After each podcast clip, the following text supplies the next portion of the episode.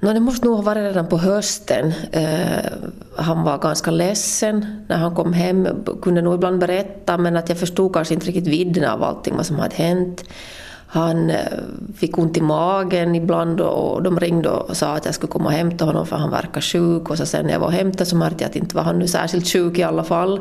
Bara han kom hem. Och, och, och sen började nog vuxna också märka, eh, där på, det var framförallt på eftis, alltså efter skolan, på efter, eftermiddagsverksamheten som, som personalen sen tog upp att det verkar som att någonting är fel. Och att han inte riktigt får med och, och, och råkar ut för saker, gråter ofta och är ledsen. Så det var då sen i något skede när, som vi då förstod att det här är inte bara någonting helt vanligt utan det här är någonting som vi måste ta itu med och försöka reda ut. La han själv ord på det då i det skedet, vad det var som, som hände? Mm. Alltså han kunde nog, som berätt, han kunde nog berätta, han har, och det har ju varit tur att han har kunnat återge vad som har hänt till exempel.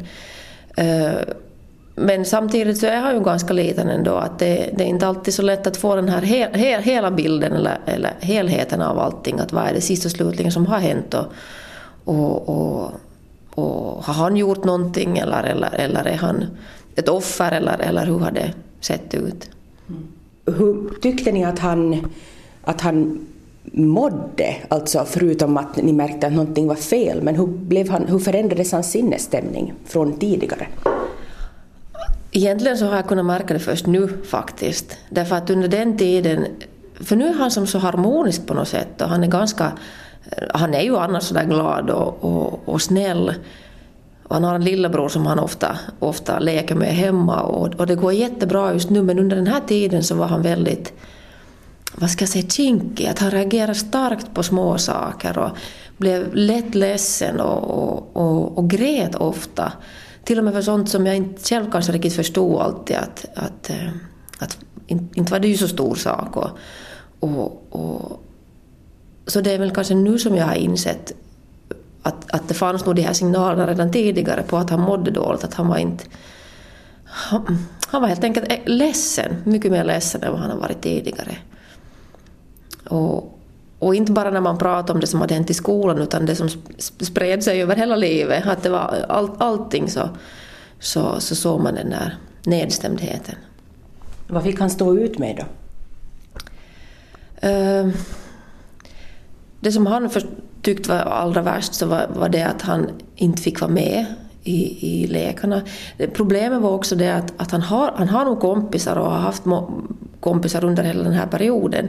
Men alla av dem som var inte på eftis. Och, och sen då så, så hamnade han utanför lätt i det gänget som var där. Och, och han, han, från det att han inte fick vara med och, och han blev kallad fula saker och, och, och, och, vid några tillfällen så blev han till och med slagen. Och, och ja, det var hemskt hemskt att höra när han berättade. Vad var din reaktion när du hörde om det här? Hur kändes det för dig? Alltså det är en sån, sån maktlöshet. På något sätt, jag är ju satt här på jorden att ta hand om honom. Det är ju mitt... Jag är ju hans mamma, jag ska skydda honom från sådana här saker. Och, och sen när man inser att jag kan inte, alltså att jag misslyckas med det som borde vara mitt viktigaste uppdrag. Och, och vad, vad än försök... Alltså, det är nog det som är värst, den där maktlösheten. Någon som man tycker så mycket om, någon, någon som man vill att det ska gå bra för, vill, vill ska vara lycklig och må bra och, och sen så står man i den situationen där man inte längre själv har makt att påverka.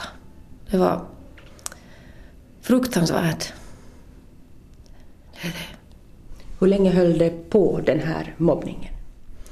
Så det började, på hösten redan så började vi märka att det var någonting och då i, i något skede så var, så var nog eftispersonalen och, och, och tog upp det och, och diskuterade igenom saken och då var det lugnare under en tid. Så då trodde vi att vi hade som kommit ut på bättre sidan.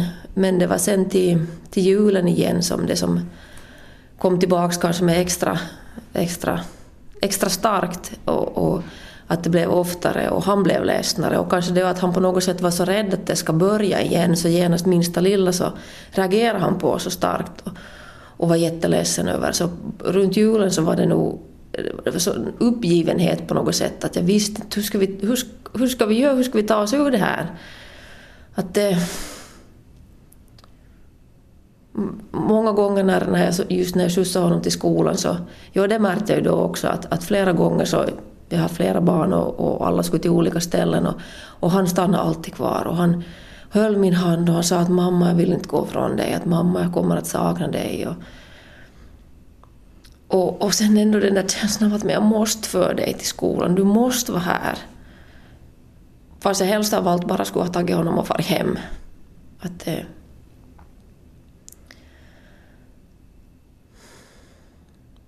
det, det var ingen rolig tid. Och jag tror att det är det som har varit det som har hjälpt i den här situationen, att, all, att vuxna faktiskt har engagerat sig.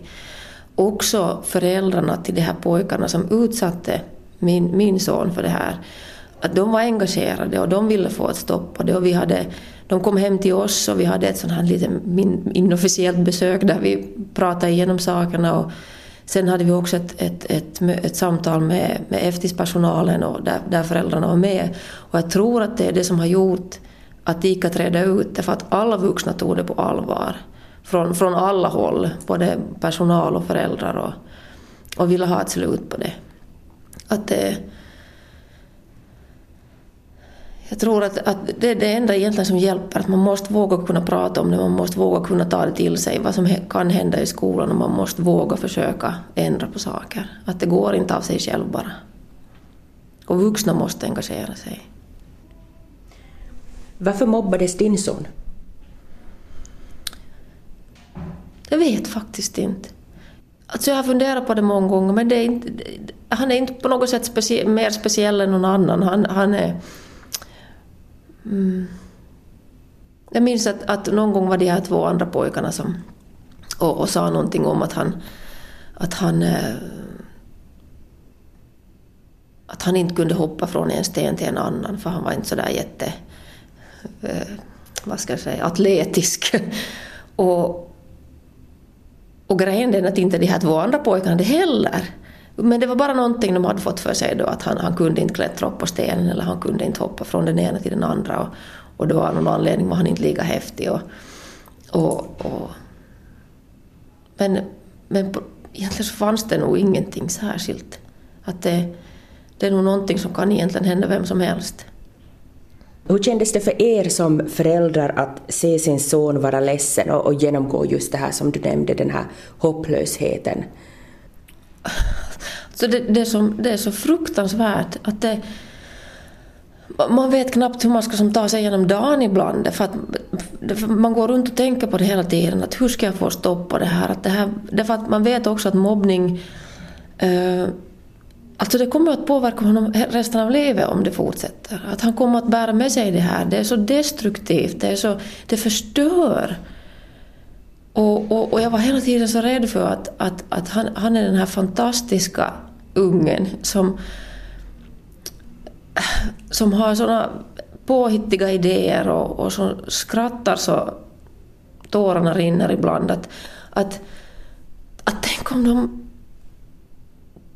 Tänk om de förstör honom. Att, att vad jag, alltså jag klarar inte. Att det, var, det, var, det var så... Och, jag, och, och, hur vi än pratat, att det har varit tur att vi har kunnat prata mycket i vår familj och jag och min man pratade om, om det igen. Men, men, men det blev ett sånt problem som, som, där vi ställdes in, som vi ställdes inför där vi kände att vi kan inte... Vi, vad kan vi göra? Att det... det de allra flesta problemen brukar ha någon slags lösning i alla fall. Men just då i den, den situationen som vi befann oss i, när man inte riktigt visste att, att hur kommer den här dagen att vara och, och kommer, ni, kommer han att vara ledsen när han kommer hem från skolan. Och, att det, på något sätt kanske allt annat sätts på paus under den tiden och man bara, det bara är det här som finns i huvudet och man tänker på hur ens barn har det och, och, och, och hur han mår. Och, kanske just framför allt det att, att hur kommer det att påverka honom i framtiden? och vi hade nog många, jag och min man pratade många gånger också om det, men det, var, det, jag tror det som genomsyrar allting så det var just den här maktlösheten. Att vad, vad gör vi? Tror du att han har påverkats? Jag hoppas inte. Och, och det som jag har sett det som jag har sett idag av honom så, så, så är han nog en helt annan pojke. Eller den gamla, samma gamla vanliga pojken kanske igen. Och, och, och jag hoppas att, att, att det fortsätter att vara på det här sättet så att han får fortsätta växa och bli den, den som han ska vara.